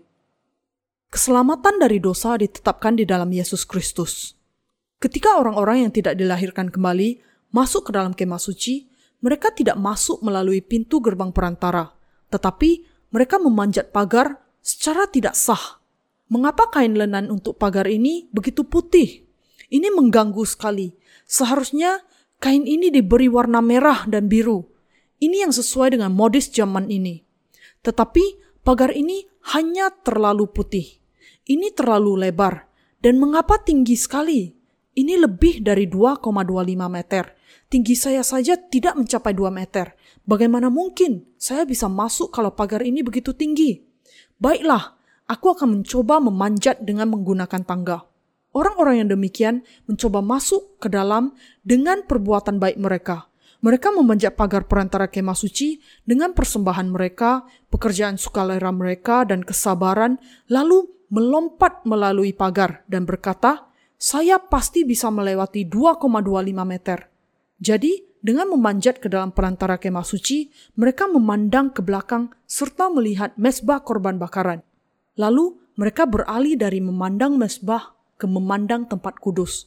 Dan hal yang pertama yang mereka lihat adalah bejana pembasuhan yang terletak di depan tempat kudus. Tinggi tiang perantara kemah suci adalah 2,25 meter, tetapi tinggi tiang dan tirai pintu tempat kudus di mana Allah berdiam adalah 4,5 meter. Orang bisa masuk ke dalam perantara kemah suci sekehendak hati kalau mereka memiliki kemauan. Tetapi meskipun mereka bisa melompati tiang yang tingginya 2,25 meter dan masuk ke pelantara kemah suci, ketika mereka masuk ke tempat di mana Allah berdiam, mereka akan menghadapi tiang-tiang dan tirai setinggi 4,5 meter di pintu masuk ke tempat kudus. Orang bisa berjuang untuk melompati 2,25 meter dengan usaha mereka, tetapi orang tidak bisa melompati 4,5 meter yang ditentukan Allah. Ini adalah batas akhir untuk mereka. Ini berarti bahwa ketika kita pertama kali percaya kepada Yesus, kita bisa saja mempercayainya hanya sekedar agama saja. Juga beberapa orang bisa percaya kepada Yesus sebagai juru selamat sekehendak hati mereka dan percaya bahwa juru selamat hanyalah salah satu dari empat manusia hebat. Bagaimanapun mereka percaya, mereka bisa memiliki iman dengan cara bagaimanapun yang mereka kehendaki. Tetapi mereka tidak bisa sungguh-sungguh dilahirkan kembali melalui iman yang demikian. Untuk sungguh-sungguh dilahirkan kembali, mereka harus melewati pintu gerbang kain biru, kain ungu, dan kain kirmizi dengan iman mereka – kita dilahirkan kembali di hadapan Allah dengan percaya bahwa Yesus adalah juru selamat kita dan pintu kebenaran, dan bahwa Ia sudah menyelamatkan kita melalui air, darah, dan roh. Iman yang percaya kepada pekerjaan Yesus yang dinyatakan di dalam ketiga kain itu tidak lain adalah iman kepada air, darah, dan roh. Manusia memang bebas untuk percaya kepada apa saja, tetapi sama sekali tidak ada bukti yang pasti bahwa mereka bisa diselamatkan dan diberkati dengan percaya seperti ini. Hanya dengan iman kita kepada Injil air dan roh, kita bisa menerima persetujuan dari Allah dan anugerah serta berkat keselamatan Allah yang besar. Tujuan dari iman kepada Injil air dan roh ini adalah untuk membuat kita mengenakan kasih anugerah Allah. Apakah Anda menganggap kemah suci hanya sekedar tempat segi empat belaka dengan sebuah bangunan berdiri di atasnya? Kalau begitu, Anda tidak akan dapat keuntungan apa pun dari iman Anda. Kemah suci mengatakan kepada kita mengenai iman yang lengkap, dan kita harus sungguh-sungguh mengerti dengan pasti mengenai iman ini. Tanpa mengerti kemah suci sama sekali, mungkin Anda berpikir bahwa tinggi kemah suci hampir sama dengan tinggi pagarnya, 2,25 meter. Tetapi bukan demikian. Meskipun kita tidak masuk ke perantara dan hanya melihatnya dari luar pagar saja, kita akan bisa melihat bahwa kemah suci itu sendiri tingginya dua kali lipat dibandingkan dengan pagarnya. Meskipun kita tidak akan bisa melihat dasar dari kemah suci, kita masih akan bisa melihat pintunya dengan jelas. Karena kemah suci itu memang lebih tinggi dibandingkan dengan pagar perantaranya. Mereka yang sudah dilahirkan kembali dengan percaya kepada Yesus dan kemudian masuk ke dalam pintu gerbang perantara kemah suci harus mengakui iman mereka yang benar kepada mesbah korban bakaran dan bejana pembasuhan dan kemudian masuk ke dalam tempat kudus. Untuk bisa masuk ke dalam tempat kudus harus ada penyangkalan diri sepenuhnya. Perkakas di dalam tempat kudus harus dibedakan dengan semua perkakas yang ada di luar tempat kudus. Apakah Anda tahu apa yang paling dibenci oleh iblis? Ia sangat marah bahwa garis pemisah antara bagian dalam dengan bagian luar tempat kudus dibuat. Karena Allah bekerja di antara mereka yang membedakan antara bagian dalam dengan bagian luar tempat kudus, iblis sangat marah karena garis yang seperti itu dibuat dan berusaha untuk mencegah agar orang jangan membuat garis itu. Tetapi ingat hal ini, Allah dengan jelas bekerja melalui orang-orang yang membuat garis pemisah iman ini. Allah sangat senang kepada orang-orang yang membuat garis pemisah ini, dan Ia mencurahkan berkat-berkatnya kepada mereka sehingga mereka bisa hidup di dalam tempat kudus dengan iman mereka yang menderang.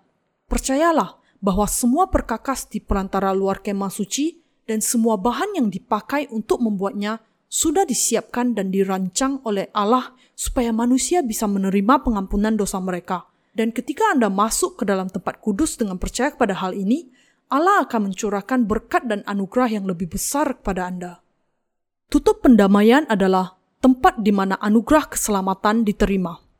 Di dalam tempat maha kudus, dua kerub mengembangkan sayap mereka dan memandang ke bawah ke arah penutup tabut perjanjian. Ruang di antara dua kerub itu yang disebut sebagai tutup pendamaian. Tutup pendamaian adalah tempat di mana Allah mencurahkan anugerahnya kepada kita. Tutup tabut perjanjian memiliki bekas-bekas darah korban, yaitu ketika imam besar memercikkan darah korban yang dipersembahkan bagi bangsa Israel, ditutup pendamaian ini sebanyak tujuh kali. Allah kemudian turun ke atas tutup pendamaian dan mencurahkan belas kasihannya kepada orang Israel. Kepada mereka yang percaya kepada hal ini, berkat perlindungan dan tuntunan Allah dimulai. Sejak saat itu, mereka menjadi umat Allah yang sejati dan memenuhi syarat untuk masuk ke dalam tempat kudus. Di antara banyak orang Kristen di dunia ini, ada beberapa yang imannya memampukan mereka masuk ke dalam tempat kudus, sementara yang lainnya tidak memiliki iman yang bisa membawa mereka masuk ke tempat kudus. Iman yang bagaimana yang Anda miliki? Kita perlu memiliki iman yang bisa membuat garis pemisah yang jelas akan keselamatan dan kemudian masuk ke dalam tempat kudus Allah. Karena hanya dengan hal itu saja kita bisa diberkati secara luar biasa oleh Allah. Tetapi tidak mudah untuk memiliki iman ini, karena iblis tidak suka ketika manusia membuat garis keselamatan yang jelas. Dia senantiasa berusaha untuk membuat garis ini menjadi kabur. Engkau tidak harus percaya dengan cara demikian. Tidak semua orang percaya dengan cara demikian. Jadi, mengapa engkau membuatnya menjadi hal yang penting dan terus mengulang-ulanginya? Santai saja, ikuti saja arus. Dengan mengatakan hal itu, iblis berusaha untuk menghapus garis keselamatan yang jelas ini. Juga, iblis akan menyatakan kelemahan daging kita dan berusaha untuk mengubahnya menjadi sesuatu yang menyulitkan kita. Apakah Anda akan menjadi orang yang mendengar kepada perkataan iblis yang menipu, yang berusaha memisahkan kita dari Allah? Atau apakah Anda ingin menjalani kehidupan Anda dengan senantiasa mengingatkan diri Anda tentang keselamatan Anda setiap hari, bersatu dengan gereja, mengikuti firman Allah, menjalani kehidupan doa, dan menerima anugerah yang dicurahkan Allah bagi Anda? Sebenarnya, orang yang sudah menerima pengampunan dosa suka mengingatkan diri mereka akan keselamatan mereka. Mereka suka merenung tentang Injil, air, dan roh senantiasa. Merenungkan Injil adalah sangat baik dan penting bagi Anda. Apakah Anda tidak demikian? Ya ampun, Bukankah ini kisah yang sama, yaitu ketika kita diselamatkan? Isi kisah ini dan alurnya mungkin berbeda, tetapi tetap saja ini kisah lama yang sama. Saya sudah bosan dengan ini. Apakah ada orang yang kemungkinan mengatakan hal yang demikian? Saya juga kurang suka kalau saya harus menceritakan kisah yang sama mengenai diri saya setiap hari. Tetapi, kalau Alkitab mengatakan bahwa kita harus menceritakan mengenai keselamatan kita setiap hari, apa yang bisa saya lakukan? Kalau perjanjian lama dan perjanjian baru sama-sama berbicara kepada kita mengenai Injil air dan roh yang dipandang jahat oleh Allah adalah kalau ada orang yang memberitakan sesuatu selain ini. Semua firman di dalam Alkitab berbicara mengenai Injil air dan roh. Keselamatan, kehidupan iman, iman, kehidupan rohani, peperangan melawan iblis, surga, kemuliaan, anugerah, berkat, kebangkitan, kehidupan kekal, pengharapan, dan roh kudus. Semua konsep kunci dari orang-orang kudus berhubungan dengan Injil yang sejati ini. Berbicara mengenai sesuatu yang lain dari hal itu tidak berbeda dengan bidat dan pengajaran sesat. Apa saja yang nampak sangat mirip tetapi berbeda isinya tidak lain dari pengajaran sesat. Injil yang nampaknya mirip di luarnya tetapi berbeda di dalamnya dari Injil air dan roh hanyalah Injil palsu atau agama yang keliru. Bagaimana indahnya bahwa gereja Allah mengabarkan firman Allah setiap hari dan bukannya pengajaran dusta dari agama-agama yang keliru. Adalah sebuah berkat bagi kita dipersatukan di dalam gereja Allah, mendengar dan percaya kepada firman Allah yang murni. Dengan senantiasa memberitakan Injil air dan roh, gereja Allah memampukan orang-orang kudus untuk berpikir mengenai anugerah Allah setiap hari, berdoa kepadanya setiap hari dan memuji dia dan untuk menjalani kehidupan yang tidak mengejar kejahatan.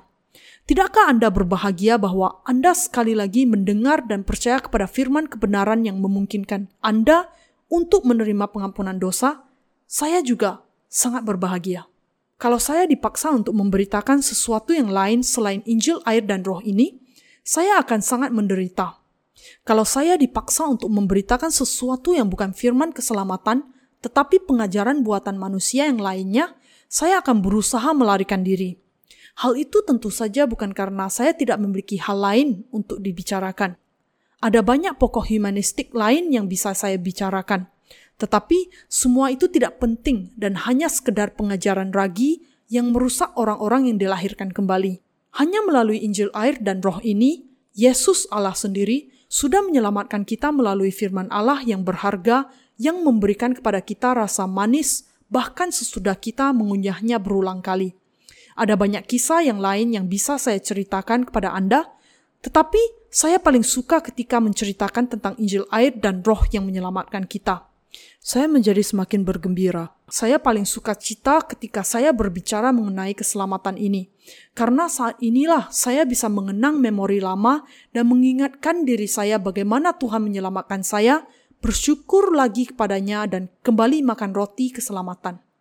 Saya yakin bahwa Anda juga paling suka ketika Anda mendengar firman keselamatan ini. Mungkin Anda mengeluh bahwa kisahnya sama setiap hari, tetapi jauh di lupuk hati, Anda berpikir, sekarang setiap aku mendengarnya menjadi semakin indah. Pada awalnya, hal itu tidak menarik, tetapi ketika saya terus mendengar hal itu, saya bisa melihat bahwa tidak ada kisah lain yang layak didengar seperti yang ini. Saya berpikir bahwa kisah dalam beberapa hal memang sangat baik, tetapi kesimpulan yang saya tangkap adalah bahwa kisahnya sama saja. Namun demikian, saya sangat berbahagia. Saya yakin bahwa beginilah perasaan di dalam hati Anda. Saudara-saudara, yang saya khotbahkan di sini adalah firman Yesus. Pengkhotbah harus mengkhotbahkan firman Yesus mengkhotbahkan apa yang dilakukan Yesus bagi kita dan memberitakan kebenaran air dan roh di dalam firman yang tertulis tidak lain merupakan hal yang harus dilakukan oleh gereja Allah. Kita sekarang menjalani kehidupan iman di dalam gereja, masuk ke dalam tempat kudus, menyalakan lampu-lampu yang ada di ketujuh cabang kandil yang terbuat dari satu talenta emas yang ditempa, makan roti di rumah dari emas murni ini, berdoa di mesbah ukupan, masuk ke bait Allah, menyembah Dia dan hidup di dalam rumah dari emas ini tidak lain adalah kehidupan iman kita. Anda dan saya sekarang menjalani kehidupan iman yang diberikan oleh Allah. Menerima pengampunan dosa dan menjalani kehidupan iman adalah yang dimaksud dengan hidup di dalam rumah Allah. Sebab itu, kami tidak tawar hati, tetapi meskipun manusia lahiria kami semakin merosot, namun manusia batinia kami diperbarui dari sehari ke sehari. 2 Korintus pasal 4 ayat 16. Dengan iman kita kepada kain biru dan kain ungu, kain kirmizi dan dari lenan halus yang dipintal benangnya yang dinyatakan dalam kemah suci, jiwa kita hidup di dalam rumah Allah yang menyinarkan cahaya emas. Saya mengucapkan syukur kepada Allah untuk selamanya karena sudah menyelamatkan kita dari segala dosa dan kutukan kita. Haleluya!